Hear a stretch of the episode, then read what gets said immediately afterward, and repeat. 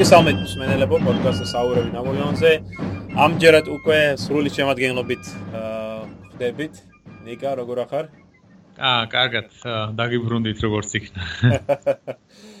აა, ცალცაკე მოგვიწია რამოდენიმე პოდკასტის ჩაწერა. შენ კელერმანზე საუბრობდი, ხო? მე მე ავსტრიის განაკვეთი.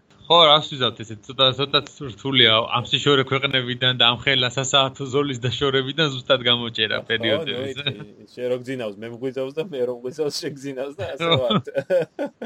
ხო, ამიტომ აი არ გაუკვირდეს სვენელს რომ ძალიან ძალიან ხშირად ვერ რო ვერ ვიწერთ ახლა. ნამდვილად, ნამდვილად. დღეს ახალი ახალ პოდკასტზე ვისაუბრებ, რა თქმა უნდა, მაგრამ გვინდა ცოტა განსხვავებული პოდკასტზე ჩავიწეროთ იმ ხრივ რომ თავდაპირველად ალბათ ეს უფრო შემაჯამებელი განხილვა კონდეს თუ რა ხდება ევროპაში აი 1809-10 წლებისათვის როდესაც უკვე ეს იმპერია ხო თქვა ზეობას აღწევს და მე უკვე გადავიდეთ ცოტა უფრო საერთაშორისო საკითხებზე და ნახოთ რა ხდებოდა სოფლიოს სხვადასხვა ნაწილში იმიტომ რომ ჯერჯერობით აქცენტი კონდეს უშუალოდ ნაპოლეონზე და კარგი იქნება მე მგონი რომ ცოტა გავასაერთაშორისოთ ეს პოდკასტი. ხო.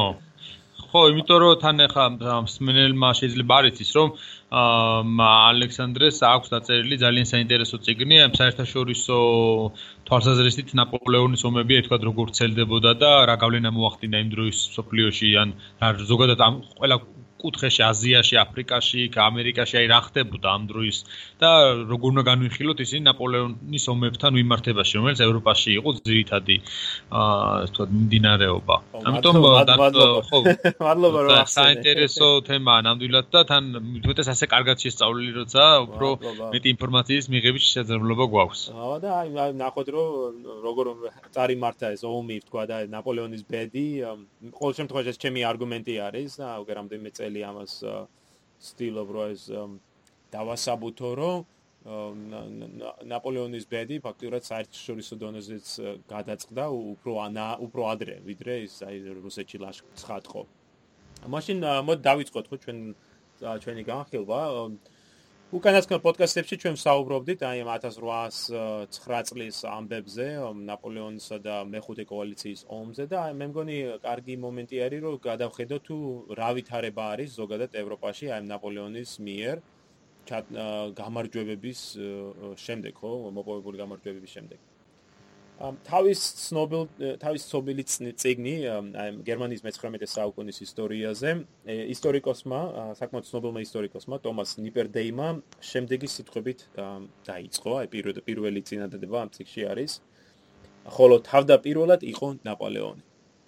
ცოტა ბიბლისეული ბიბლიუსეულია ხო? ხო და რა თქმა უნდა ეს განზრახ ქონდა გაკეთებული მას რომ მაგრამ ეს განცხადება კარგად აღწევს ეს თანამედროვე ევროპის ისტორიაში ნაპოლეონის როლსა და ადგილს. ნაპოლეონის სამხედრო კამპანიები სავსე იყო ამ დრამატიზმი და იმ საოცარი მოვლენებით, რომელიც მე და შენ უკვე განვიხილეთ. მაგრამ ისინი არ უნდა განვიხილოთ მხოლოდ აი სამხედრო ჭრილში. ვინაიდან აი აუსტერლიცთან, იენასთან, ფრიდლასთან, ამ აგრამთან მოპოვებული გამარჯვებების შედეგად ნაპოლეონს მართლა მიეცა საშუალება რომ დაეწყო საუბარი აი დიდი იმპერიის შექმნაზე. არა მარტო თქვა საფრანგეთი, არამედ უკვე აი პანევროპულ იმპერიაზე არის საუბარი. იმპერიაზე, რომელიც აცი უკვე აი დაშლილი საფრთხო რომის იმპერიის ადგილს დაიკავებდა და ევროპის გაერთიანებას დაისახავდა მიზნად. და აი ეს სწორედ აქ ხედავთ ჩვენ აი ნაპოლეონის უკარკვეულწილად ნიშნულობას. არა მარტო აი სამხედრო მოპოვებები, გამარჯვებები, მაგრამ აი უფრო დიდი მასშტაბის ამ პროექტის წამოწყებაზე. ნაპოლეონის ამ მისწრაფება მიუხედავად იმისა, რომ ეს იმპერია ხანმოკლე აღმოჩნდა, ამ მისწრაფებამ საკმაოდ დიდი ზეგავლენა იქონია აი თანამედროვე ევროპული სახელმწიფოების და საზოგადოებების ჩამოყალიბების პროცესში. ა ფრანგი ისტორიკოსი ლუი ბერჟერონი აღნიშნავს კიდევაც, რომ აი პარადოქსალურია, მაგრამ ნაპოლეონი ერთდროულად უსწრებდა და ჩამორჩებოდა თავის დროს. ის იყო ერთდროულად განმანათლებლობის ეპოქის უკანასკნელი დესპოტი და ამავე დროს თანამედროვე სახელმწიფოების დამფუძნებელი და წინასწარმეტყველიო. ნუ კაი შეფასება.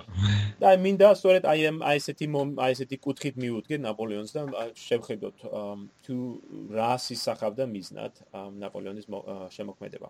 ევროპისათვის ნაპოლეონის რეჟიმი გულისხმობდა, აი და როცა მინდა ხაშორს ან დავიწყებ საუბარს, აღნიშნო რომ ნაპოლეონთან მიმართებით ხშირად ვიყენებ მე ამ გამოთქმას ნაპოლეონის რეჟიმი. ახლა რა თქმა უნდა ამას ნეგატიური ასპექტებიც აქვს და დადებითი ასპექტები და ვეცდები რომ ორთავე მხარე წარმოვაჩინო.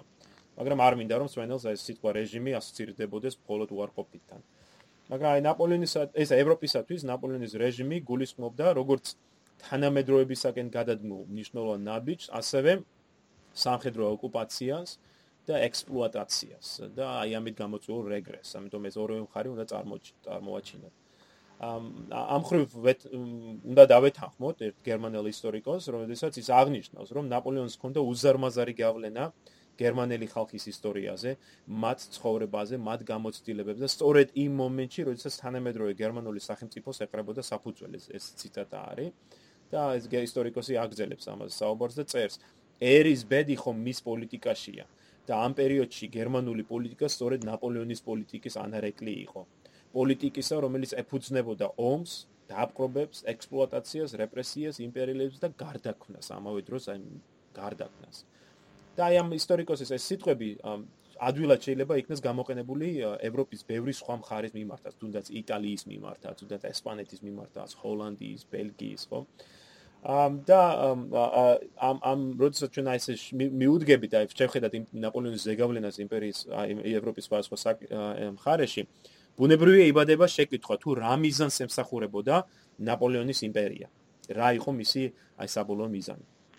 ნაპოლეონისადმი კრიტიკულად განწყობილი მწერლები თავის დროზე და გარკვეულწილად დღესაც საუბრობენ იმპერიაზე როგორც ნაპოლეონის მხრიდან აი საკუთარ ოჯახზე ზრუნვის მაგალითი მაგრამ ეს მეტად უსუსური ახსნა არის, ხო? ნაპოლეონი იყენებს თავის ოჯახს როგორც იმპერიის მართვის ერთ-ერთ ვთქვათ, ერთ-ერთ ბერკეტს, მაგრამ ის არ არის, ვთქვათ, ამის იმპერიის შექმნის მიზეზი. აა ასევე უსუსურე მე უსუსური მეჩვენება მე განცხადებები, რომ იმპერიის შექმნა არის მხოლოდ და მხოლოდ ნაპოლეონის მხრიდან, აი სოფლიო დომინირების სურვილი, ხო? ეს მეგა ამბიცია და ამბები. აა ეს უმეტესწილად ბრიტანული პროპაგანდის ანარეკლია თუ მკითხავ. მაგრამ ამავე დროს მე მე რთულად მეჩვენება გავიზიარო აი ნაპოლეონის თაყვანისმცემელთა შემართებული განცხადებები რომ ნაპოლეონი თვით რევოლუცია იყო რომ მას სხვა არაფერი არ სურდა თუ არა საფუძველი ჩაიყარა ახალ ევროპას რომელშიც კანონის წინაშე თანასწორობა ადამიანის უფლებების დაცვა და ეს კონსტიტუციურობა იქნება დაფუძნებული. ხო ორი ორი უკიდურესობა. ხო უკიდურესობა არის ნამდვილად. ამ ნაპოლეონის იმპერიის ცენტრად რა თქმა უნდა მუდმივად მოიაზრებოდა საფრანგეთი. მაგრამ იმპერიის საზღვრები ყოველწლიურად ფართოვდებოდა და მათთან ერთად იზრდებოდა ისეთი ფენომენები როგორც იყო აი სამხედრო ვალდებულება, გადასახადები, პოლიტიკური რეპრესია.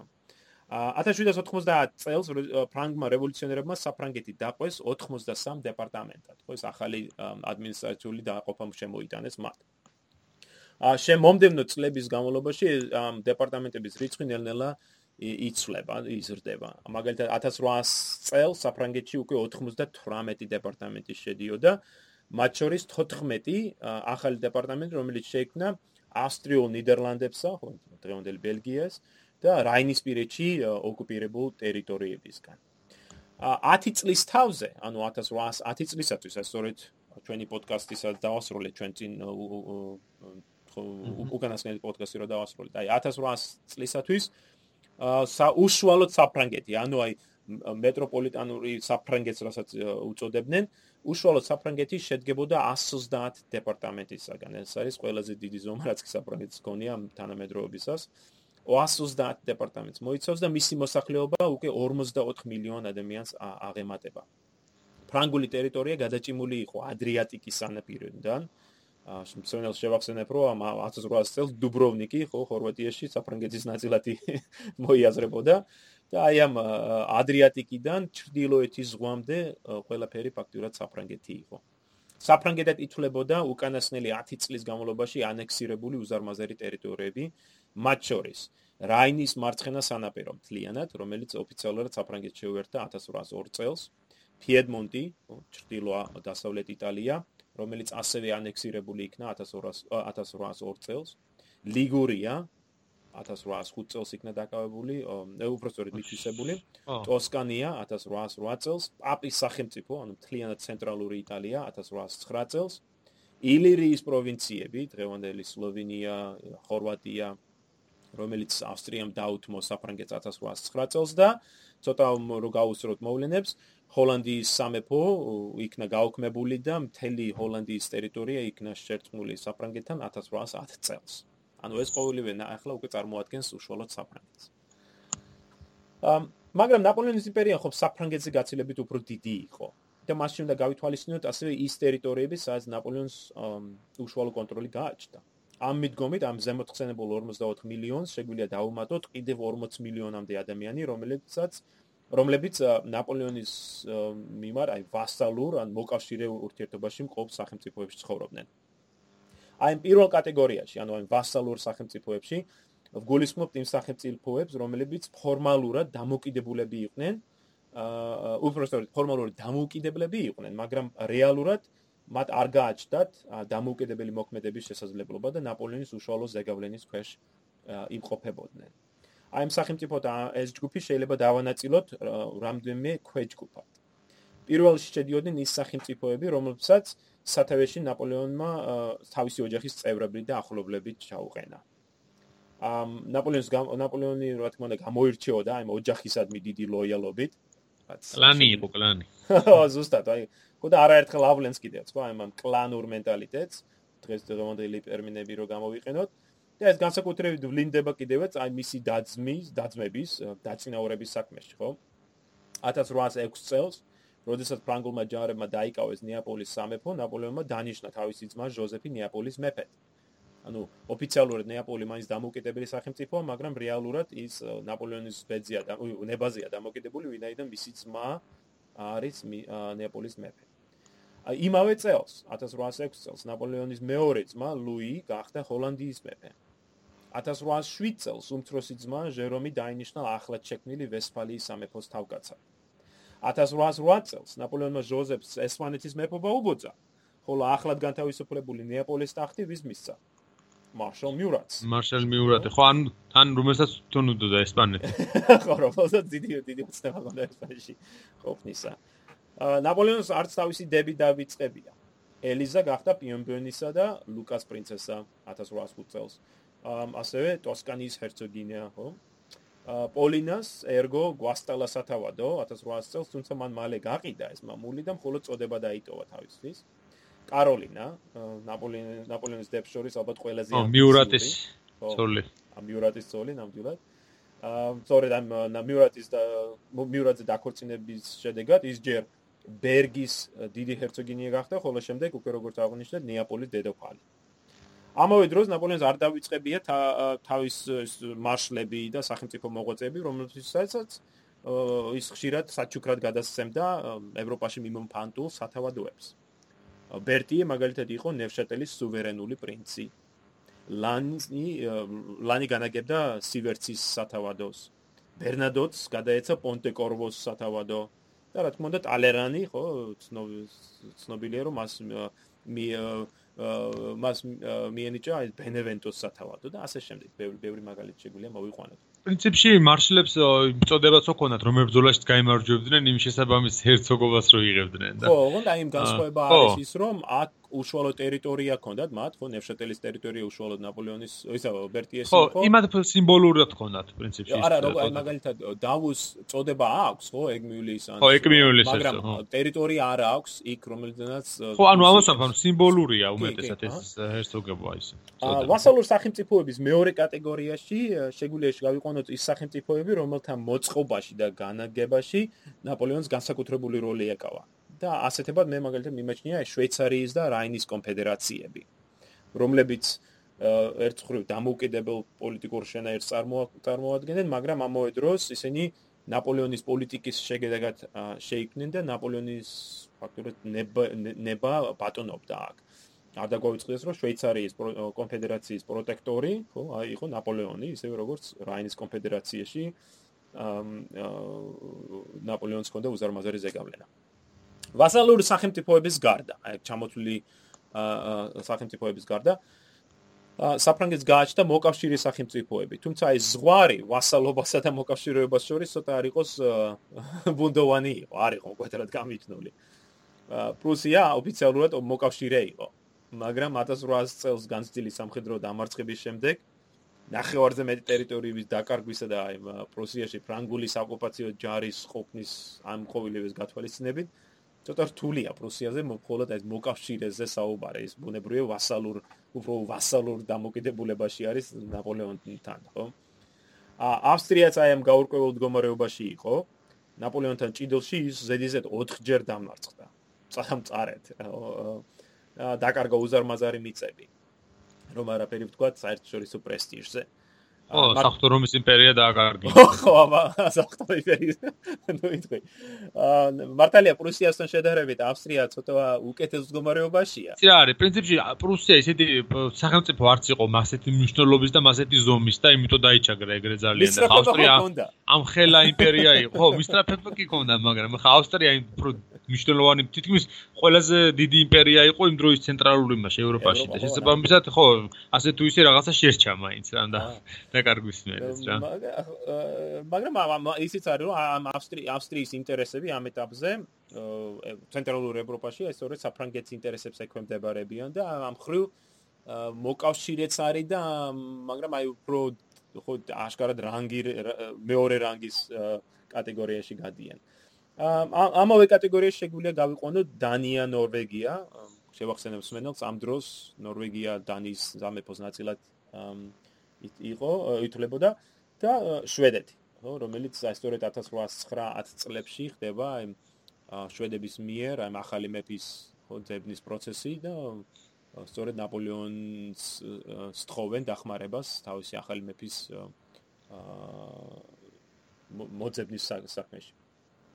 სამწუხაროდ სამწუხარო ხო ბერნადო საერთოს ო მაგარი მოუძებნა მაგარი პირველი ორი კატეგორიის სახელმწიფოებისაგან ნაპოლეონი მოელოდა საფრანგეთის ინტერესებისადმი სრულ დამორჩილებას ეს სახელმწიფოები მოიაზრებოდნენ როგორც პოლიტიკური და სოციალური გარდაქმნის აგენტებად ევროპაში რომელთა მეშვეობით სწორედ ნაპოლეონი შეძლებდა აი ცვლილებების გატარებას და ეს მნიშვნელოვანი ფაქტორია გავითვალისწინოთ ამ ხრივ ახსნანიშნავია, რომ სადაც კი მივიდოდა, ნაპოლეონი ატარებდა რეფორმების საკმაოდ ერთნაირ. შეიძლება ითქვა, და სტანდარტულ კომპლექს. რომელიც შემდეგ რეფორმებს მოიცავდა და ამას ჩვენ ხედავთ, აი ყველა ტერიტორიის, სადაც ნაპოლეონი შედის. აი, ჩემს წიგში მე ამ ამ ამ რეფორმების კომპლექს უძახი Napoleonic settlement. ანუ კონკრეტულ პაკეტს, რომელიც ნაპოლეონს ნაპოლეონს შექონდა დაკავებულ ტერიტორიებზე. ანუ რას რას გულისხმობს ეს? და ჩამონათვალი მინდა პროცეს ჩამონათვალი გავაკეთო და ბუნებრივია ეს უბრალოდ სია არის არა აქვს ამ მიყოლებით ნაპოლეონს არ გაუკეთებია ეს რეფორმები ხშირად ყველაფერს ერთად ასრულებდა. პირველ რიგში ეს ეს კომპლექტი გულისხმობს ადგილობრივ ადგილობრივი ხელისუფლების რეორგანიზაციას და რაც თავია ცენტრალიზაციას. და ბევრ ევროპის ბევრ ხარეში ეს არის ძალიან მნიშვნელოვანი ნაბიჯი აი ეს ახალი უფრო თან აი ეს თანამედროვე სტილის ცენტრალიზებული სახელმწიფოს ჩამოყალიბებაში. ამ ახალ ცენტრ ამ ამ რეფორმის ნაწილად ასევე გულისხმობ ახალი ცენტრალური ბიუროკრატიის შექმნას, რომელიც დაკომპლექტებული იქნებოდა პროფესიონალი ბიუროკრატების მიერ. ხა შეიძლება ეს გაგვიკვირდეს რომ რა საჭირო ამის დაკონკრეტება, რომ ეს პროფესიონალი ბიუროკრატები იქნებიან ამ ბიუროკრატიაში ჩართული. მაგრამ ეს მნიშვნელოვანი ფაქტორია, იმიტომ რომ აი ძველი რეჟიმის ბიუროკრატიისგან განსხვავებით ნაპოლეონი ითხოვს, რომ მისი თანამდებობის პირები პროფესიონალები იყვნენ თავისი საქმის და ამას ჩვენ ხედავთ მის მიერ შერჩეული ხო კადრებშიც. შემდეგი ნაბიჯი არის ახალი საკანონმდებლო სისტემის შემოღება. როგორც წესი, ეს სისტემა ეფუძნებოდა ნაპოლეონის კოდექსს. ხშირ შემთხვევაში ახალ ამ ტერიტორიებზე შეტანილი ახალი კანონმდებლობა იყო ფრანგული კანონმდებლობა, რომელიც თარგმნილი იყო, თქვა გერმანულ ან იტალიურ ენებზე. და ისტორიად ამ კანონმდებლობაში იყო ასახული რევოლუციის ისეთი პრინციპები, როგორც იყო სეკულარიზმი, ანუ გამიჯნა ეკლესიასა და სახელმწიფოს შორის. კანონის წინაშე თანასწორობა, რელიგიური თავისუფლება, კერძო საკუთრების უფლებები და რაც თორეა, კერძო საკუთრების ხელშეუხებლობა. შემდეგი ნაბიჯი იყო აი ახალი საგადასახადო სისტემის შექმნა, რომელიც უფრო ეფექტურად შეძლებდა მოსახლეობის დაბეჭდას. და ამას ჩვენ ხედავთ თითქმის ყველგან სადაც ნაპოლეონი შედის, რომ ერთ-ერთი მისი პირველი ნაბიჯი არის სწორედ აი საგადასახადო სისტემის რეორგანიზაცია, რათა აი ომმა, ასე რომ ვთქვათ, ომმა დააფინანსოს თავისი თავი და რაც თავია სარგებელი მოუტანოს საფრანგეთს. შემდეგ ჩვენ ხედავთ სამხედრო სისტემის რეფორმირებას. აი ჯარის სტრუქტურის შეცვლას და ამის ერთ-ერთი ძირითადი მნიშვნელოვანი რეფორმა იყო აი სამხედრო გაწვევის დაწესებას იმ ის ტერიტორიებში სადაც სამხედრო დაწვევა არ არსებობდა და ნაპოლეონი სწორედ ახერხებს ამას იტალიაშიც, ახერხებს გერმანიაში, ჰოლანდიაში, ბელგიაში და ასე შემდეგ. ასე მნიშვნელოვნად მნიშვნელოვანია ნაპოლეონის რეფორმა, რომელიც მიზნად ისახავდა პოლიციის სტრუქტურების სრულ რეორგანიზებას. და ახალი ჟანდარმერიის შექმნას, რომელიც გამოიყენებოდა მოსახლეობაზე უფრო ძლიერი კონტროლის დაწესებისათვის. შემდეგ ამ სიაში შედის ეკლესიასა და სახელმწიფოს ურთიერთობების მოწესრიგება და რაც თავია გამიჯნა. რაც პრაქტიკაში გულისხმობდა ეკლესიის დაქვემდებარება სახელმწიფოსადმი. ნაპოლეონი არ იყო მორთმუნე პიროვნება, ხომ? და მას არმიაში ნათქვამად მნიშვნელოვნად აი ეს დაიწესებინა კონკრეტული ერთი რომელიმე რელიგია, როგორც სახელმწიფო რელიგია, ჩვენ ვთქვათ საფრანგეთშიც ხო კონკორდატის შედეგად კათოლიკური ეკლესია გამოცხადა საფრანგეთის უმრავლესობის ეკლესიად, მაგრამ და არა სახელმწიფო ხო ეკლესია და არა სახელმწიფო მწამსად და რელიგიად. და აი ჩვენ ხედავთ ამას დაარჩენ ევროპაშიც, რომ ეკლესიას, ეკლესიის ინტერესები ექვემდებარება სახელმწიფოსადმი. ხშირ შემთხვევაში და ეს განსაკუთრებით ჩანს იტალიაში და გერმანიაში, ეკლესიის ქონების ნაციონალიზაცია ხდება, როგორც ეს მოხდა საფრანგეთში თავის დროზე და ამ ქონების გასხვისება, გაყიდვა და ამის ძირითადად ამ ქონების ახალი ფლობელები იქნებიან ასწორედ აი საშუალო ფენის წარმომადგენლები, და ნაპოლეონს სურდა აი ამ გზით, აი ამ ფენის, ამ საშუალო ფენის ხალხის თავის მხარეზე, ხო, აი გადმობირება. მინაიდან პიროვნება, რომელიც შეიძენდა ეკლესიის, ყოფილ ეკლესიის მიწას, საკუთრებას, ეკნებოდა ეს დამოკიდებულება ნაპოლეონზე სანამ ნაპოლეონი ძალაფულებაში იყო, ეს ქონება მისი იქნებოდა და თუ რამე მოუვიდოდა ნაპოლეონს, ბუნებრივია ეკლესია მოითხოვდა ამ ქონების დაბრუნებას და ამ პიროვნებას აი ძალაუნებრად ეკნებოდა ინტერესებთა ინტერესი ნაპოლეონის ძალაფულებას შენარჩუნებისა. ამ რეფორმების ერთობლიობას აი როგორც ვთქვი, შეიძლება უწოდოთ ეს ნაპოლეონის პაკეტი, ან ნაპოლეონის მიერ აი სისტემას, რომლის მეშვეობითაც ნაპოლეონს სურდა იმ ძველი რეჟიმის საზოგადოების რეფორმირება, ფეოდალიზმის გადმონაშთების განადგურება, ახალი წესწყობილების დანერგვა. სწორედ ამ სისტემის შედეგი იყო ის, რომ 1803 წლიდან 1808 წლამდე, ანუ დაახლოებით 5 წლის განმავლობაში, მოხდა გერმანული სახელმწიფოების სრული რეორგანიზაცია. ასობით გერმანული სახელმწიფო გავქმდა, ხო, მინდა შევახსენო მსმენელს, რომ აი სახთო რომის იმპერია არ იყო ეს ერთი ერთიანი სახელმწიფო, არამედ მას შედიოდა 300-ზე მეტი აა ხომ გერმანული სამთავრო ხო ბადაბადა სამთავრო საერთოგო სამეფო მაგრამ ამავე დროს ხო ანუ პრინციპი ავსტრია იყო დომინანტი და იმასთან მოქცეული ის ისტორიული ისინი გერმანული საერთოდ მაგრამ პრინციპში ბოლო პერიოდში ეს ძალიან ნაკლებ იკიკლებდა ავსტრიის გავლენა ამ ტერიტორიაზე არა ესე გამოდის მე-19 საუკუნისთვის ხო აი პრუსიას აღზევების შედეგად ხო ხდება ეს ამ ორი თქვა პოლისი პოლიტიკური პოლისის ჩამოყალიბება მაგრამ ავსტრია ცდილობდა ხო ამის ხო ისიც ხო იყო პრინციპში ჰანოვერი ცალკე იყო მაინც ერთ-ერთი ყველაზე დიდი ტერიტორია ხო ბრიტანელების საქსონიის საჰერცოგოც ხო იყო რომელიც პრუსიის იმას შედიოდა და ანუ საკმაოდ უკვე ბზარი ჩდებოდა ამ საფრთხო იმპერიაში და ალბათ რაღაც დროის მერე მაინც მოუწევდა ამ პროცესის დასრულება ნაპოლეონმა დააჩქარა ალბათ და 5 წელიწადში მოაგვარა ეგ საქმე ფაქტიურად.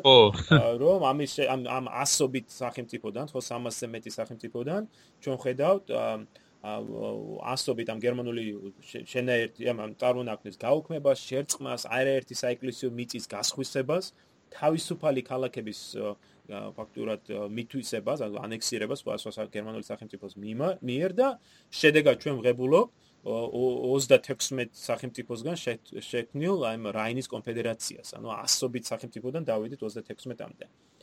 ამ ხუთი წლის განმავლობაში, აი უბრალოდ მცენელს რომ მივცე ამ რამხელა ცვლილება ეს, ამ ხუთი წლის განმავლობაში გერმანული მოსახლეობის 60%-მა გამოიცვალა თავისი თავრობა, ხელმწიფე. ერთ დღეს ერთი ხელმწიფის ქვეშ ახარ და მეორე დღეს ფაქტურად სხვა სახელმწიფო. ო, ნუ ეს პრინციპში იცი რა არის ხა, ზოგი ისეთი პატარა სახელმწიფო იყო მან და ამბობდნენ ხოლმე რომ ბურთი რო დაარტყა ერთგან რომ მეორეში გადავარდებაო და. მართალია და აი სწორედ ამ ხო. და ამას ემსახურება სწორედ აი ეს რეორგანიზაცია, ხო? და ნაპოლეონის მიმოწერაში არაერთხელ ხდება ამ ძველის დანგრევის და ახლის დანერგვის სურვილი. და პირველ არ შევწდები თუ ვიტყვი რომ ამის ერთ-ერთი საუკეთესო მაგალითია 1807 წელს ნაპოლეონის მიერ თავის ძმასთან ჟერომთან გაგზავნილი წერილი რომელშიც ის ცდილობს აუხსნას თავის უმცროს ძმას თუ რა პრინციპებით უნდა იმოქმედოს იგი აი ახლა ჩაკნული ვესფალიის სამეფოს ტახტზე და მინდა ციტატა მოიყვანო ეს წერილი თარგმნე მე არ მე არ შეხვედრია ქართულად და მე საკმაოდ საინტერესო წერილი არის და ცოტა ვრცელი ციტატა რომელსაც მოვიყვან. აი რას წერს ნაპოლეონის წერილში. ჩემი მთავარი საზრუნავია შენი ხალხის კეთილდღეობა. ვინაიდან ამას ზეგავლენა ექნება არა მხოლოდ შენს და ჩემს კეთილდღეობაზე, არამედ მთელი ევროპის მომავალზეც. არ დაუჯერო არავის, ვინც გეტყვის, რომ შენი ხალხი მიჩვეულია მონობაში ცხოვრებას და ჯეროვნად ვერ დააფასებს იმ თავისუფლებებს, რომლებსაც შენი ხელისუფლება მათ მოუტანს. ვესფალიის მოსახლეობა დაბიოც კი უფრო მეტად განსწავლულია ვიდრე ზოგიერთს ეს გონია და შენს მეფობას არასოდეს ეკნება სიმტკიცე თუ ის არ დაიყრნობა ხალხის სრულ ნდობასა და მხარდაჭერას გერმანელ ხალხს ყველაზე მეტად სურს, რომ ადამიანებს, რომელთაც არ გააჩნია თავადაზნაურული წარმოშობა, მაგრამ აქვთ საჭირო ნიჭი და მონდომება, მიეცეთ ისეთივე შესაძლებლობა, როგორც სხვებს. ანუ ფაქტურად აქ საუბრობს აი კანონის წინაშე თანასწორობაზე. და რომ ხმობისა და ფეოდალური პრივილეგიების ყველა ნატამალი იქნას განადგურებული. ამიტომ აუცილებელია აჩვენო ხალხს, რამდენად სასარგებლო იქნება მათთვის ნაპოლეონის კოდექსი. შენ უნდა უზრუნველყო, რომ შენი მეფობა ეყრდნობა საჯარო პროცედურებსა და ნაფიც საჯულთა გადაწყვეტილებებს. კიდევ ერთხელ ხედავთ აი ხო ხელისუფლების ტრანსპარენტობას და რაც დაურია კანონის უზენაესობას. მე მსურს რომ შენს ხალხს გააჩნდეს თავისუფლება, თანასწორობა და კეთილდღეობა ისე დონეზე, როგორიც გერმანელ ხალხს არასოდეს ჰქონია. დანარჩენ ევროპაშიც, საფრანგეთში, იტალიაში, ესპანეთში და სხვაგან ხალხს სკურია ეს თანასწორობა და ღია ხელისუფლება. ამიტომ მართე შენი ახალი ანუ მარტე შენი ქვეყანა ახალი კონსტიტუციის თანახმად. ანუ საკმაოდ საინტერესო წერილია, ხო? ანუ მიწერილი თავისი ძმისადმი ანუ მარტო ხო, ან მისთვის იყო ეს განკუთვნილი და ნაპოლეონი წარმოაჩენს თავის აი სულისკვეთებას აქ. ეს წერილი შემოკლებით მოვიყვანე აქ. მაგრამ ის ის ცხადყოფს, რომ ნაპოლეონი მართლაც ზოგჯერ ავლენდა იმ იდეალიზმს და იმ ლიბერალურ სულისკვეთებას, რომლის გამოც შემდგომ წლებში ისწორედ აი ლეგენდად იქცევა, ხო? ამ ლიბერალურ გმირად წარმოიქნება. ფრანგი ისტორიკოსი ლუი მადლენი ხშირად იხსენებდა ერთ ისტორიას, როდესაც 1820 წელს ავსტრიის იმპერატორი ფრანცი ეწვია ილირიის პროვინციებს, ან დღევანდელ ხორვატიას, რომლებიც შევახსენებს მენელს ავსტრიამ ნაპოლეონის გადასცა 1809 წელს წაგებულ ომის შემდეგ.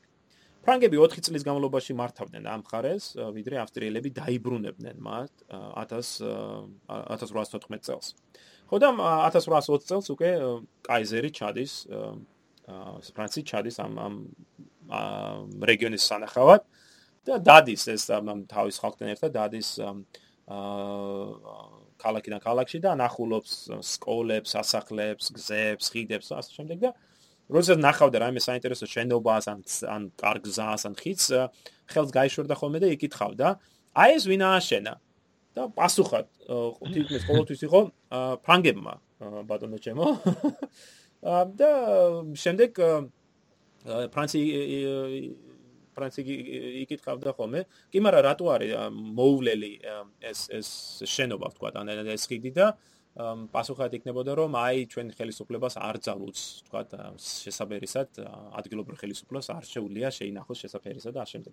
და მოკლედ აი ესე აი ესეთი კითხვა პასუხი აქვს რამდენიმეჯერ და როდესაც აი შემდეგ საუბარი გადის ეს რამდენიმე ესეთ პასუხის შემდეგ იმპერატორი გაწბილებული მიუბრუნდა თავის აჯუტანტს და ჩაულაპარაკია. ეს ფრანგი ოხრები რომ დარჩენილიყვნენ ან კიდე ცოტა ხანს ხომ ყველა პრობლემას მოაგვარებდნენო ის ის ის მან მაგხარეში მარშალი ისიც ხო იყო ერქვა მარმონი. მარმონი სწორი რაგუზას ხო ხერი რაგუზას ერცოგი ხო მაგან ააშენა მან რაღაცეები და ხო ხო მაგიტო ცნობილი და პრინციპში რაღაცა ისიც არის ხო მან ნაგებობა. ბოლოსი რო ის დგას ეგვიპტური ობელისკივით რაღაცა რო დგას მეგონი სადღაც მანდ არის ხო ბალკანეთზე დატოვებული ნას ხო არა ორზე მაინც ორი სხვა სხვა რამეზე საუბრობ მაინც ერთი არის ილირიაში არის შემორჩენილი მაშინ შეიძლება საუბრობდი პირამიდაზე რომელიც ჰოლანდია ჰოლანდი ჰოლანდიაში აღმართა მარმონმა 1804 წელს. აი ეს ჰოლანდიაში იყო ხო აღმართული აი ფრანცის ხუმრობა ხუმრობა დარჩეს მაგრამ გარკვეულწილად ხომ ეს კაიზერი მართალი იყო ვინაიდან ნაპოლეონის მიერ დაწესებული ეფექტურმა მართლობამ, კანონის წინაშე თანასწორობამ, ეფექტურმა საგადასახადო სისტემამ, აი ნიჭის დაფასებამ, დრომოჭმული ტრადიციების გაუქმებამ და აი სხვა რეფორმებამ მართლაც დიდი ზეგავლენა იქონიეს იმ დროინდელ საზოგადოებაზე და ზოგადად სახელმწიფო ევროპული სახელმწიფოს განვითარებაზე. შემდგომში, როდესაც უკვე ნაპოლეონი დამარცხდება და ეს ძველი რეჟიმი ასე გარკვეულწილად დაბრუნდება, ხო, ხელისუფლება დაბრუნდება, ჩვენ ნახავთ რომ მართალია ძველი რეჟიმის ხელისუფლებას აქვს სურვილი გაუქმოს ბევრი ეს ცვლილება, მაგრამ ერთ-ერთ ზოგიერთ ცვლილების გაუქმების სურვილი საერთოდ არ აქვს და მათ შორის იქნება აი სწორედ ხელისუფლების ცენტრალიზაციას. აი ეს ეფექტური საგადასახადო სისტემის შექმნა. ეს ყოველი ეს ეს სისტემები დარჩება და სწორედ ნაპოლეონის წარმონაქმნია.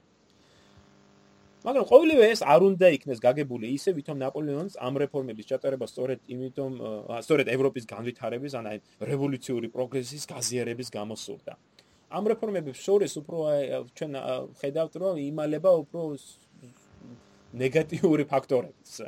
ნაპოლეონი ხშირად ამბობდა ხო რომ შემდგომში უკვე წმინდა ელენეს კონძულზე რომ მას მიზნად ჰქონდა ჩასდასახული ევროპის გაერთიანება ერთ მომენტში ისაუბროს ეს გაერთიანებული ევროპის შტატებზე, ხო, ამერიკის გაერთიანებული შტატებზე. ის გავსად რომ მას სურდა შეექმნა ერთიანი ევროპული ფედერაცია, რომელშიც იქნებოდა ერთი ფულადი ერთეული, ერთი სავაჭრო სისტემა, ერთი კანონმდებლობა. ამ მაგრამ ეს უკვე ეს არის ხო მინდა ელენეს გადმოსახედიდან ნაპოლეონის როსურს ცოტა ისტორიის შეცვლა და გადაწერა.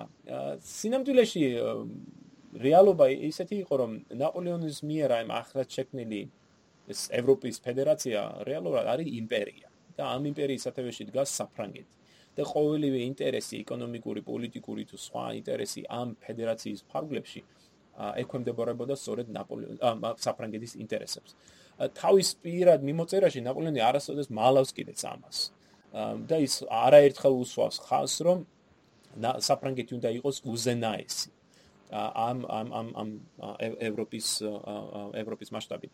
და ამიტომ, როდესაც ჩვენ საუბრობ ნაპოლეონის სისტემაზე და მის მიერ ზეგავლენაზე, უნდა გავითვალისწინოთ ეს, რომ მას არ სურდა შეექმნა ერთიანი სისტემა, სადაც ევროპის ქვეყნებს თანასწორი უფლებები ექნებოდა. მას არ სურდა შეექმნა თავისუფალი ეკონომიკური ზონა ევროპის მასშტაბით. აა პირიქით, ყოველივე იყო მიზნად ყოველივე მიზნად ისახავდა საფრანგეთის ინტერესების დაცვას. და ევროპაში აი საფრანგეთისათვის აა სავაჭრო სისტემის მორგებას. აა უფრო აი კონკრეტულად რო შევხედავთ, როდესაც აი საუბრობ ჩვენ აი ფეოდალიზმის გადმონაშთების გაუქმებაზე და სოციალურ ეკონომიკური გარდაქმნაზე, რომელიც ნაპოლეონმა შეიტანა ევროპის სხვადასხვა ნაწილში. მაგრამ ჩვენ თუ შევხედავთ კონკრეტულ მაგალითებს, ასევე ვხედავთ პრობლემებს, რომ ნაპოლეონი არაკეთებს ამას ყველგან ერთნაირად. ანუ არის ევროპის მხარეები, რომელშიც ნაპოლეონი საკმაოდ რეაქციული არის. ამ სადაც მისმა რეფორმებამ საკმაოდ ნეგატიური ზეგავლენა იქონიეს. ამ ხრივ მაგალითად მინდა აღვნიშნო სამხედრო გაწვევის ვალდებულება. ხო, ერთ-ერთი ეს რეფორმა, რომელიც აღვნიშნი იყო სამხედრო სისტემის ჩამოყალიბება და ამ სამხედრო გაწვევის დაწესება.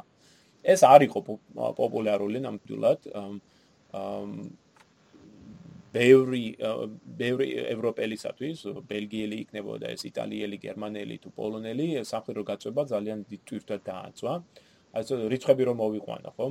1803 წლიდან 1814 წლამდე, აი 11 წლის განმავლობაში ნაპოლეონმა გაიწვია 2 მილიონზე მეტი კაცი დიდი არმიის რიგებში. საკმაოდ საკმაოდ დიდი რიცხვია, ხო? ხო, ну, პრინციპში უკვე ამავ დროისთვის 44 მილიონი კაცი კი ყავდა იმაში, იმპერიაში და ხო, ხო. აა, რადგან ახლა ფრანგები მასიურ გაწევას იმას იყენებდნენ, თან პრინციპში შეიძლებოდა კიდე რომ ამ რიცხვებზე გასულიყვნენ. თან ეს არმია რამდენგან მოქმედებდა რამხელა ის დისტანციაზე უწევდა ესპანეთში თალკე იდგნენ იქ თალკე ყველა ანუ გადანაწილებული იყო ამ იმპერიაზე და თლიანობაში არც ამ დიდი რიცხვი გამოდიოდა. ხო არა იცი რა არის? მაგალითად აი ბელგია ხო? ბელგია ამავე პერიოდში იძულებული იყო გაეგზავნა საფრანგეთში საფრანგეთის ჯარის რიგებში 200-ზე მეტი 200-ზე 1000-ზე მეტი ჯარისკაცი. რაინის კონფედერაციას დაევალა 100-ზე მეტი ჯარისკაცის გაგზავნა. მაგალითად ბერგის საჰერცოგო ვლადებული იყო გაეგზავნა 5000 კაცი, რომელიც თავის ამ მოსახლეობის 1/10-ს წარმოადგენდა. ო ანუ ისიც არის ძალიან დიდი რიცხვია პრინციპში, მაგრამ ეს ხო უკვე ის ფეოდალური და ეს ევროპა აღარ არის პრინციპში ნაპოლეონის იმპერიაში უკვე სხვანაირი ანუ გაწევი მე რატომ მინდა ამ რიცხვებზე საუბარი, იმიტომ რომ შენ თუ ხარ აი ბერგელი ხო? არ ვიცი ბერგის მოსა ბერგის მკვიდრი. აა შენ არ ახარ შენ შენ ისტორიის განმავლობაში შენ არ გევალდებოდა გევალებოდა ასეთი ვალდებულება არ გქონია არ არც ერთი წინ ვთქვა ჰერცოგი თუ ვინც იყო შენი ხელმწიფე არ იწევდა ამ ამ ამ დონეზე ვთქვა ამდენი ოდენობით ჯარისკაცს და ნაპოლეონის მოსვლა ამ თავის მოდერნიზებასთან ერთად, ხო ეფექტური ხელისუფლებასთან ერთად მას მოაქვს აი სამხედრო ტვირთიც, ხო, ასე ვთქვათ, რომელიც აწვება ხელის ამ მოსახლეობას და ეხ შენ ვალდებული ხარ არა მარტო გადაიხადო უფრო მეტი გადასახადი, არამედ შეასრულო ეს სამხედრო ვალდებულებაც. შეიძლება ხო, შეიძლება მოგწონდეს ეს ყველაფერი, ყოველივე, მაგრამ აა ჩვენ არსებული კვლევებიდან ხედავთ რომ უმეტეს წილად მოსახლეობა ამ ადგილობრივ მოსახლეობა ამას ამ ყოველივეს შეხვდა მტრულად. ან წარმოიდგენე აა ვთქვათ ვესტფალია. ხო, ვესტფალიის სახელმწიფო სამეფო შეიქმნა ხელოვნურად ნაპოლეონის მიერ და მას დაეკისრა დაეკისრა 25000-იანი კონტინგენტის გაყვანა საფრანგეთის ფრანგული საფრანგეთის მიერ წარმოებული ომებში საბრძოლველად. ახლა ვესტფალიელს რაში ჭირდება, ხო, რუსეთში წასვლა და ბრძოლა, მაგრამ 25000-ზე მეტი კაცი მართლაც წავიდა. იქ და მას იზავდა ხა. აა დაიღუპება. მეტი გზა არ თქონდა. ხო. შვეიცარიის კონფედერაცია იძულებული იყო გაიგზავნა 12000 კაცი. და ჩვენ აღარ ვისაუბრებთ თქვა ვარშავის საჰერცოგოზე ან იტალიურ სახელმწიფოებზე, რომელმაც 10000ობით ჯარისკაცი გაიყვანეს ამ ნაპოლეონის სამხედრო ვალდებულების ფარგლებში. და ან ან თქვა 1812 წლის კამპანია ამ ხრივ საკმაოდ აღსანიშნავია, ვინაიდან ჩვენ ვიცით, რომ ნაპოლეონის უზარმაზარი ჯარი ჰქონდა, დაახლოებით 600000-იანი ჯარი, რომელთაგანაც ხო 350000 იყო არაფრანგი ჯარისკაცი, მათ შორის 5000 ნეაპოლიტანელი, 9000 შვეიცარიელი, 27000-ზე მეტი იტალიელი, 90000-ზე მეტი პოლონელი და 100000-ზე მეტი გერმანელი და მაშინ არ აღთვლი პურსიელებს და ავსტრიელებს მე. ანუ აი ეს ეს საკმაოდ ძიმეთვითა დააწოდა არ არის ეს თქვა თანამედროვე ევროპელისათვის ეს არისო თქვა მის პოზიტიური განვითარება ხო ან დადებითი მხარე. იგივე საგადასახადებო სისტემის ცვლილება. აღსანიშნავი იმით, რომ ნაპოლეონის მოსვლამდე, რა თქმა უნდა, საგაზეთო სისტემა არსებობდა და ხელისუფლება ხო აკრებდა გადასახადებს, მაგრამ ხშირი იყო ამ საგადასახადო სისტემიდან თავის არიდება.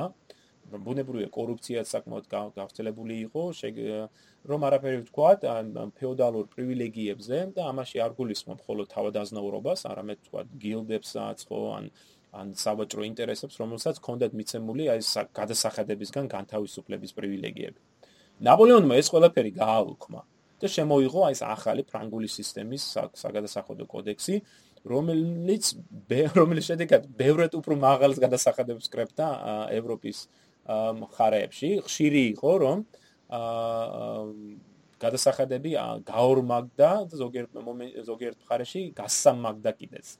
ანუ ახლა შენ თუ ბელგიელი ხარ, ან იტალიელი. ო ერთის ხრივ გიხარია. ო, კარგია, ახალი სახელმწიფოს ჩამოყალიბება, ან ახალი ამ ეფექტური ხელისუფლების ჩამოყალიბება, მაგრამ პრაქტიკაში ეს გულისხმობს, რომ შენ უფრო მეტ გადასახადს იხდი და ამავე დროს გიწევს ისეთ სავალდებულებების გადახდა, როგორც არის საფრანგეთთან ერთად, სადღაც გადაკარგულში ბრძოლა. ამიტომ არ უნდა გაგვიკვირდეს, რომ ნაპოლეონის ამ რეფორმებს წინააღმდეგობა ხდება ბევრ ბევრ ხარეში. ამავე დროს ისიც უნდა იმაზე ისიც უნდა აღნიშნოთ, რომ ნაპოლეონმა დაკავებულ ტერიტორიებში, ხო, ამ ვასალურ ტერიტორიებში ან და ზოგიერთ მოკავშირე ტერიტორიებში ეწევა იმ ექსპლუატაციას ამ ამ ხარეების. ექსპლუატაცია როგორც ეკონომიკური, ხო, საბაჭრო ინტერესების მხრივ, ასევე თვითონ რესურსებისაც. ბლოკადამაც ხო შეუქმნა პრობლემა კლიანტ. აი ბლოკადა მაგას ემსახურება სხვა შორის. აა ჩვენ კონექტორ ბლოკადაზე ამბობ, ხო? ხო. ამას სწორედ ბლოკადის ერთი ნაწილი არის აი ევროპის უფრო ეფექტურად ექსპლუატაცია საფრანგეთის მიერ. ნაპოლეონის რეჟიმი სტუდენტებთან საუბრისას მე მას ვადარებ აი ტვერსასრუტს, იმიტომ რომ ტვერსასრუტის მსგავსად აი იწოვს ამ რესურსებს მთელი ევროპის მასშტაბით. ამაში შედის მაგალითად, აი თუ უბრალოდ წარმოდგენა რო გქონდეთ. 1804 წლიდან 1814 წლამდე, ანუ 10 წლის განმავლობაში საფრანგეთის სამხედრო ხარჯების ნახევარი ნახევარი იყო დაფარული კონტრიბუციიდან ოკუპირებული ტერიტორიიდან აკრეფილი კონტრიბუციის ხარჯზე. ანუ საფრანგეთის ჯარის ხარჯები საფრანგეთს არ ეწეოდა, არ ეწევოდა ესერზე, არამედ აწევოდა ამ დაკავებულ ტერიტორიებზე. აა საფრანგეთის ოფიცრებს, ფრანგ ოფიცრებს სხვა შორის ჰქონდათ და მე ნახე მაგ ეს საინტერესო აა ფორმები გაცემული, უკვე დაბეჭდილი ფორმები, რომელშიც აა რომლებიცაც აი ისე მივიდოდნენ ადგილობრივ ხელისუფლებასთან და აჩვენებდნენ ამ ფორმას და ამ ფორმაში იყო ორი ასე ძირითადი კატეგორია, ერთი იყო argent, ანუ ფული და მეორე იყო furniture, ანუ აი პრო ნაღდი საქონელი და აი ეს ადგილობრივი მოსახლეობა, ხელისუფლება იძულებული იყო, რომ დაეკმაყოფილებინა მოთხოვნები ორივე კატეგორიაში. მაგალითად 1807 წელს, 1807 წელს პრუსია და მისი ეს მოკავშირეები, საქსონია, ჰანზის ქალაქები იძულებულები იყვნენ გადაეხადათ საფრანგეთისათვის 500 მილიონი ფრანკის ოდენობის კონტრიბუცია. ამავე დროს იტალიის სამეფო იხდიდა 300 300 მილიონი ფრანკის ოდენობის კონტრიბუციას, რათა შეინახა საფრანგეთის ჯარი, რომელიც განლაგებული იყო იტალიაში. უფრო მეტიც.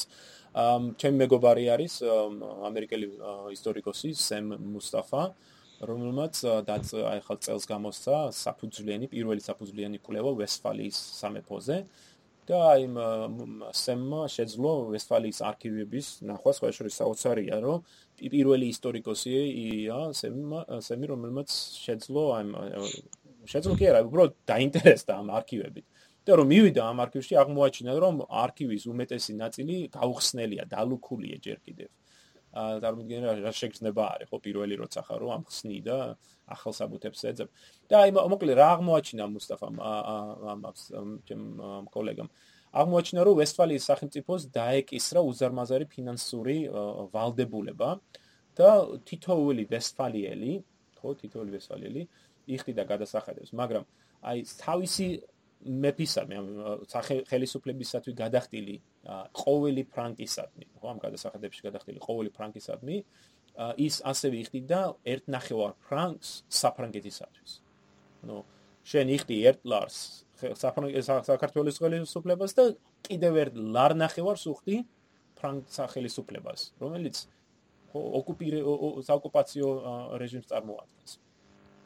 მართლაც რომ ამ საფრანგეთის მიერ დაწესებული მოთხოვნები რო დაეკმაყოფილებინა ვესფალიის ხელისუფლება იძულებული იყო დაეწყო იძულ ეს ეს ეს სისტემა რომელსაც იძულებით ბონდებს უძახით ხელისუფლება აიძულებდა კომპანიებს კერძო ინტერესებს ვაჭრებს ეყიდა სახელმწიფო ბონდები რათა აი ეს შემოსული თანხით დაეკმაყოფილებინა საფრანგეთის კონტრიბუციის მოთხოვნები. და ეს მსგავს მსგავს პრობლემებს ჩვენ ხედავთ ასევე ჰოლანდიაში, ასევე იტალიაში, ასევე გერმანიის სხვა სხვა ნაწილში. ამიტომ არის რომ როცა ჩვენ საუბრობთ თქვა ნაპოლეონის მიერ გატარებულ რეფორმებზე ამ რეფორმებს მოქონდა თქვა რაღაც განვითარება და პოზიტიური ზეგავლენა თქვა მაგრამ ამავე დროს ნეგატიური ზეგავლენასაც ახდენდნენ თავ მოსახლეობაზე. ვფიქრობ ყველაზე აი ესეთი მაგალითი აი ამ ნაპოლეონის რეაქციულობისა არის ესეთი საოცარი რამ, რომელსაც ეწოდება domaine extraordinaire. არ არის თლაც ცნობილი ეს პოლიტიკა. ისუიათი არის რომ თვით ციგნებში თქვა მითომეტეს ნაპოლეონისადმი დადებითად განწყობილი ციგნებში ამ domaine extraordinaire-ზე იყოს საუბარი. მიზეზი ამისა ის არის რომ ჩვენ ხშირად საუბრობთ ნაპოლეონზე როგორც აი მოდერნიზაციის, ხო, ამ ლიბერალიზაციის და აი წინ გადადგმული პროგრესის მაგალითზე, მაგრამ აი domain extraordinaire არის მაგალითი იმისა, თუ რამდენად რეაქციული შეიძლება იყოს ნაპოლეონი. რას გულისხმობს ეს? domain extraordinaire იყოს სპეციალური ფინანსური მექანიზმი, რომლითაც ნაპოლეონი დაკავებულ ტერიტორიებიდან იღებდა დამატებით შემოსავალს. ანუ აი კონტრიბუციის გარდა, გადასახადების გარდა, დომენ ექსტრაორდინერ აძლევდა ნაპოლეონს დამატებით შემოსავალს. ვესტფალიაში მაგალითად იყო დაწესებული ამ დომენ ექსტრაორდინერ, რომლიცაც რომლის მიხედვითაც უზარმაზარი ტერიტორია ვესტფალიის შიგნით გადაცემული იყო ამ სპეციალურ ამ საგანგებო რეჟიმში, სადაც ყველა ძველი გადასახადები დარჩა ძალაში. ანუ რჩება, ჯერ კიდევ რჩება ეს ფეოდალური გადასახადებები აქ. და ჩვენ ხედავთ ნაპოლეონი იყენებს ამ დოტაციონს, ამ დოტაციებს რათა დამატებითი შემოსავალი აიღოს ამ რასაკეთებს შემდეგ ნაპოლეონი. ამ ნაპოლეონი იღებს ამ დოტაციებს და ურიგებს მისთვის მისდამი დაახლოებულ პირებს, ანუ იმ პირებს, რომელმაც გამოიჩნეს თავი სხვა სხვა სხვა მხრივ და აი ეს პირები, რომლებიც იღებენ დოტაციას, ცნობილები არიან როგორც დონატეები. აი ამ დონატეებს აქვთ საშუალება აკრიფონ გადასახადები და პირადად მოიხმარონ. ძალიან ფეოდალურად ჟღერს, ხო? ეს ყოველივე. შუა საუკუნეებში რო ხდებოდა, რომ მეფე მოგცემდა ტერიტორიას და შენ ახარ აქ ო უპროსი და კრეპ გადასახადს და შენ ბატონობდა ხარ აი ნაპოლეონის ამას იყენებს ნაპოლეო დომენ ექსტრაორდინარის ფარგლებში ვესფალიაში დოტაციის სისტემა იმდენად დიდი იყო, რომ შემოსავლების 20% იყო გადადებული ამ დოტაციებისათვის. თუ გადავხედავთ იმპერიას, ჩვენ ვხედავთ, რომ ამ დოტაციები არის გაცემული 6000 პიროვნებაზე, რომლებიც ყოველწლიურად კრებდნენ 30 მილიონი ფრანკის ოდენობის დოტაციებს. ვინ არიან აი ეს ეს დოტაციების მიმღებები პირები? მათ შორის არიან მაგალითად 15 საჰერცოგო, რომელიც ნაპოლეონმა ასე ვთქვათ შექმნა. ჩვენ შენ უკვე ახსენე ზოგიერთი მათგანი. მაგალითად უდინო ხო გახდა რეგიოს ხო ჰერცოგი. ის რეჯიოში არც ჩასულა. პრინციპში ეს ბენევენტო და ისიც ეგრე არის ხო დანარჩენები? ხო აი ზუსტად ზუსტად მაგაზე არის. მან ბენევენტო განსხვავდება იმით რომ ბენევენტო იყო სათავადო როგორც ასეთი. რეჯიოს საჰერცოგო არ არის ცალკე ერთეული ტიტული აქვს უდინოს, მაგრამ რეჯიოს მოსახლეობას ევალება გადაიხადოს დოტაცია. იგივე ეხება სულ სულტი გახდა დამაციის hercogi მოკლედ ანუ ყველანაირი გზას იყენებდა ნაპოლეონი რაღაცა ფული კიდე მიიღო დამატებით აი ხო ანუ ხო ჭამდა ფულს მოკლედ მთელი ევროპიდან აი წარმოიდგინე ხა დავუ ეკნული ხა რასაც აკეთებდა ამხელა სამხედრო კამპანიები და ასეთი ძალიან ძვირად ღირებულია ეს ყველაფერი პრინციპში და ხა არც არის გასაკვირი რომ ბერტიეს ბერტიეს ხო მისცა არას ნევშეტელის სუverენული პრინცის წოდება. ამავე დროს მისცა ვაგრამის პრინცობა და ამ ვაგრამის პრინცობის გამო ბერტიესთვის უნდა გადაეხადა ადგილ მოსახლეობას დამატებით დოტაცია. კაი არა? მას ესლინგის პრინცი იღებს დოტაციას. ნეი, ელჰინგენის ჰერცოგი იღებს დოტაციას. ადგილზე ეს დოტაციები ხშირად ხდებოდა იკრიფებოდა არსებული ფეოდალური გადასახადებების შენახვით. ხედავ აი მას ესეთ ორმაგ თამარს, ხო, ერთის მხრივ ნაპოლეონი როგორც პროგრესული სახელმწიფო მოღვაწე, რომელსაც სურს ამ რევოლუციის სულისკვეთების გაზიარება, აი ეს წერილი მე რომელიც მოვიყვანე ჟერომთან, რამდენად იდეალიზმის სავსე. და მე ხდება ეს დომენ ექსტრაორდინე, სადაც ფეოდალურის გადმონაშთები რჩება და ნაპოლეონი ამას იყენებს. ნაპოლეონის არქოდა მნიშვნელობა ეს ფეოდალიზმის გადმონაშთი იყო, ახალი სისტემა იყო, თუ რა იყო, უბრალოდ თავი იყო ფული ეშოვა აქედან. ხო, ასე გამოდის რა. ანუ, ანუ შენ იზიარებ, აი ახლა გამოვიდა ახალი ციგნი, ხო? ჩვენ ჩემს Facebook-ზე დავსვიმე ამ ადამ ზამოისკის ციგნი, რომელშიც აი ნაპოლეონი არის, აი ოპორტუნისტი, ხო? აი აი კარიერისტი, რომელიც ყველა საშუალებას იხენებს, რათა აი თავისი რეჟიმი შეინარჩუნოს. და კრიტიკული მიდგომა გაქვს შენ ჩემ პატივცემულა. აა, ანუ იცი რა არის? პრინციპში ხა მე რასაც უყურებ სიტუაციაზე ხა აა რა ვარიანტიც ქონდა ნაპოლეონს რომ ანუ და ჭირდებოდა ეს ფული და ცდილობდა როგორღაც მიეღო, ხო? ამ საშუალებით პრინციპში ანუ არც ვამართლებ, მაგრამ რეალურად ეხა იმპერიას შექმნი, შესაბამისად ეს თანხების მოზიდვა ხო სჭირდებოდა, რომ ეს ომი ქონოდა ესპანეთში, რუსეთის კამპანია, ეს 1000 რაღაც დამას ხო დაფინანსება უნდა და თან კონტინენტურ ბლოკადაში როცა იყო ჩაბმული ეს ამხელა კონტინენტი და ნუ არ არ მიკვირს რომ იფიქრებდა ესეთ რაღაცეებს, ფულის მოსაზიდად და რატომაც არა რა, ნუ. რატომაც არა არა, ამაში იმპერატორია რა ბოლო-ბოლო. აგადახედოთ მაშინ აი იმპერატორები რომელი რომელი არ იქცეოდა მსგავსი მე და რომელი რომელი იყო ამაზე უფრო რბილი დიდამპრობელი დიდამპრობელი იმპერატორებისაგან. მაგხრივ გეთახმები, მაგრამ რატომ მინდა ამაზე საუბარი? იმაზე რომ ჩვენ ხშირად გვაქვს წარმოდგენა ნაპოლეონზე როგორც აი ცოტა გაიდეალიზირებული შეიძლება. რა თქმა უნდა რომანტიზმით შეფერადებულ ნაპოლეონს ხო პრინციპში იგივე წარმოდგენა ალექსანდრე მაკედონელზეც არსებობს იგივე ჰანიბალზე და იმაზე უფრო აი ძალიან მაგრამ ჰანიბალი არ იყო იმდენ აი სახელმწიფოს მეთაური ხო? ანუ სახელმწიფო ხო არა მაგრამ ანუ მე ვიძახი რომ როგორც აი ესეთ პირზე რა დიდი ხედართავარი დიდი მოღვაწე რაღაც უფრო იდეალურად წარმოგვიდგენია ყოველთვის ესეთი ადამიანები და სინამდვილეში ხო დეტალებს ჩაუკვირდებოდეს და ბევრი აი მსგავსი რაღაც აღიქნება თქვა როგორც ახლა ნაპოლეონზე აი ზუსტად და მე მე მე მე უფრო მიზიდავს აი ნაპოლეონი როგორც ესეთი კომპლექსი და უფრო რთული პიროვნება ხო? ვიდრე ეს შაბლონური ო რა თქმა უნდა აბა კიდე ერთი რა საკითხი მინდა წამოვჭრა ეს არის აი მე ვახსენე აი ეკლესიასა და სახელმწიფოს შორის აი გამიჯვნაზე ხო? აა ნაპოლეონი ამას აკეთებს თითქმის ყველა ტერიტორიაზე შედის სადაც ეკლესიას თავის ინტერესებს უქვებდებარებს აშკარა არის რომ ეკლესიის თავარი მიზანი როდესაც ნაპოლეონი მას დაუყენებს არის ემსახუროს იმპერიის რეჟიმს ხო მაგრამ ამავე დროს საინტერესო არის რომ ნაპოლეონი ატარებს აი რეფორმებს რომლის შედეგადაც ხდება აი საეკლესიო საკუთრების ჩამორთმევა ნაციონალიზაცია ასე რომ ვთქვათ და შემდეგ გაყიდვა. ამის კარგი მაგალითია იტალია. საგაც მაგალითად ნაპოლეონმა 1806 წლიდან დაწყებული 1811 11-12 წლებში ჩაატარა ექსპროპრიაცია საეკლესიო ქონების და ამ ჩამორთმეული ჩამორთმეული მიწებითა და ქონებით შექმნა ახალი აი დოტაციები და ასევე გაასხვისა, გაყიდა ბევრი ბევრი საკუთრება და აი მაგალითისთვის იტალიაში ნაპოლეონმა მოახდინა 1300-ზე მეტი მონასტრისა და ეკლესიო საეკლესიო დაწესებულებების გაუქმება და აი ამ და მათი თელი საკუთრების გაყიდვა აუქციონზე.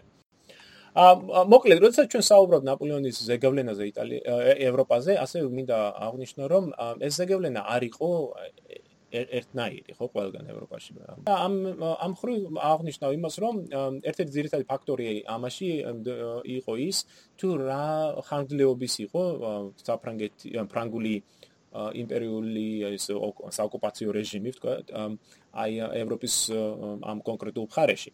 ამ ბუნებრივია ისეთ ადგილებში როგორც არის რაინისპირეთი, ბელგია, ჰოლანდია, რომლებიც მოექცნენ აი ფრანგულის ხელისუფლების ქვეშ საკმაოდ ადრე, ხო, ჯერ კიდევ 1790-იან წლებში და დარჩნენ ომის დასასრულამდე. აი აქ ჩვენ ხედავთ ყველაზე დიდ ზეგავლენას, აი ფრანგული საკანონმდებლო სისტემის, ფრანგული ახალი ხელისუფლების, საგადასახადო სისტემის, აი რეფორმირების და ყველაფრის. მაგრამ რაც უფრო აღმოსავლეთისკენ მივიწევ, ჩვენ უფრო და უფრო ნაკლებად ხედავთ ჩვენ ნაპოლეონის ზეგავლენას, აი რომ მივვალთ ის ადგილებში როგორც პოლონეთია, ხო?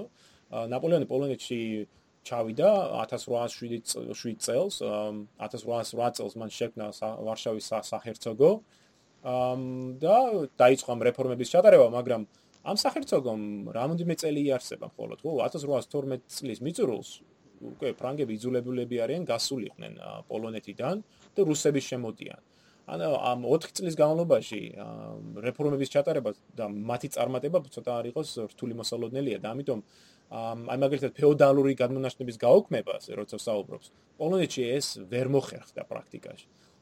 საკანონები კი იქნა მიღებული, მაგრამ რეალობად რეალობა ის იყო, რომ ეს ეს განმანათლები ჯერ კიდევ დარჩა და დიდ ხანს განაგზობენ არსებობას. იგივე ეხება ავსტრიასაც მაგალითად. ავსტრია კი დამარცხდა და ნაპოლეონის მიმართ იძულებული იყო გადაეცა მიწები, კონტრიბუცია და შემდეგ, მაგრამ ავსტრიის ფარგლებში ნაპოლეონის ზეგავლენა ბუნებრივია ცოტა ცოტა იყოს სუსტი სუსტი იყო ხო? აი ნაპოლეონ ფრანგული სისტემის ზეგავლენა შეხედა უფრო სამხედრო საკითხებში აი რეფორმირებაში და არა სოციალური ან ეკონომიკური ასპექტებში. იტალიაში როცა ჩვენ საუბრობთ იტალიაზე ზეგავლენას ბუნებრივია ნაპოლეონის ზეგავლენა ბევრად უფრო მაღალი იყო ჩრდილოეთში როგორც აღნიშნე პიედმონტი ლიგურია ხო ლომბარდიის ნაწილი ყოველები ესენი იყვნენ უშუალოდ საფრანგეთის ნაწილი ხო? და აქ ასე რეფორმირება უფრო საფუძვლიანი და ხდება. მაგრამ აი რო თუ ჩავალთ სამხრეთში აი კალაბრიაში მაგალითად ნეაპოლის სამხრეთით ხო? აი კალაბრიაში ფაქტიურად ნაპოლეონის კვალი რთულად თუ შესამჩნევი არის უფრო მეტიც აქ ნაპოლეონის მიერ წამოწყებულ რეფორმებმა უკუ შედეგი მი გამოიწვიეს იწება 1806 წლიდან იწება აჯანყება ხო კალაბრიის აჯანყება რომელიც გამოწვეული იყო სწორედ იმით რომ ადგილობრივი მოსახლეობა უკმაყოფილო იყო უფრო ეფექტური სახელმწიფოების დაწესებით უფრო ეფექტური საგადასახადო სისტემის შემოღებით რომ აფარეთ თქვა სავალდებულო სამხედრო გაწევაზე და აი ამან გამოიწვია უკუ რეაქცია რასაც კალაბრიელები წლების განმავლობაში სწორედ იბრძოდნენ ფრანგული ხელისუფლების წინააღმდეგ. აი ეს ფაქტორები მე მგონი ყოველი ეს გასათვალისწინებელია, როცა ჩვენ საუბრობთ აი ამ დიდი იმპერიის ჩამოყალიბებაზე 1809-1810 წლებში ევროპაში. ეხლა კი ალბათ კარგი იქნება რომ გადავიდეთ უფრო აი საერთაშორისო განხილვაზე, ასე რომ ვთქვათ და მიმოვიხილოთ თუ რა ხდება ევროპის გარეთ. თითქმის ყველაფერი რაც კი დაწერილა ნაპოლეონის ომებზე არის ევროპაზე კონცენტრირებული. ნუ უშუალოდ ნაპოლეონს. რეალურად თუ შევხედოთ ჩვენ ვითარებას, ნახავთ რომ ნაპოლეონის ომები იყო გლობალური ომი. ხო, ის იყო არ არის ჯერ ვერ ვიტყვი რომ სოფლიო ომი, როგორც ასეთი, ხო, მაგრამ არის აი ევროპული ომის გადატანა სოფლიო მასშტაბით. და თუ გადავხედოთ ჩვენ სოფლიოს ამ ამ პერიოდში, დავინახავთ, რომ 1810 წლისათვის ნაპოლეონმა ფაქტურად წააგო ნაპოლეონის ომები. რატომ ვამბობ ახლა ამას? იმიტომ რომ ომის დაწყებისთანავე, ან ჯერ კიდევ 1803 წელს, როდესაც დაიწყო ომი საფრანგეთსა და ბრიტანეთს შორის, ომი იწარმოებოდა არა მარტო ევროპაში, არამედ სოფლიოს სხვადასხვა ნაწილში, სადაც ფრანგების და ბრიტანელების ინტერესები ერთმანეთს შეეჯახნენ. თანდათანობით, რაც დრო უფრო გადიოდა, ეს ეს ომი უფრო ფართოვდებოდა, ხოლო 1808 წლის შემდეგ, როდესაც ნაპოლეონმა დაიკავა ესპანეთი, აი ჩვენ მართლაც ხედავთ აი სრულ მასშტაბს ამ ამ ამ ომისა, რომელიც მოიცავს ლათინურ ამერიკას, დღევანდელი მექსიკის დაწყებული არგენტინის და ჩილეს ჩათვლით. ის მოიცავს აფრიკის ნაწილებს, მათ შორის სამხრეთ აფრიკას განსაკუთრებით. ის მოიცავს ახლო აღმოსავლეთის ბევრ ნაწილს, მათ შორის ირანს და რაც მონდა ოსმალეთის იმპერიას, მაგრამ ასევე მოიცავს აზიის დიდ ნაწილს, მათ შორის ინდოეთს, ჩინეთს, იაპონიას და ინდონეზიას. ამიტომ მომდენო პოდკასტში, ან შეიძლება რამოდენო პოდკასტში, მინდა ყურადღება დაუთმო აი ამ მოვლენებს, რომელთაც არანაკლებ დიდი მნიშვნელობა მიუძღვით აი თანამედროვეობის შექმნაში, მithumetes აი ესეთ ისეთ რეგიონებში, როგორც არის ლათინური ამერიკა. თანამედროვე ლათინური ამერიკის საზღვრები, სახელმწიფოები ხო ჩამოყალიბდა სწორედ აი ნაპოლეონის ომების დროს დაწყებული პროცესიდან, რომელიც ესპანეთის იმპერიის დამხობას და სულ ცოტახანში ამ დამოუკიდებელი სამხრეთ ამერიკის სახელმწიფოების შექმნით დასრულდება, ხო? ასევე მნიშვნელოვანია საუბარი ინდოეთზეც, ხო? სწორედ აი ამ დროს 1800-იან წლებში ხდება აი ბრიტანული იმპერიის დაფუძნება ინდოეთში.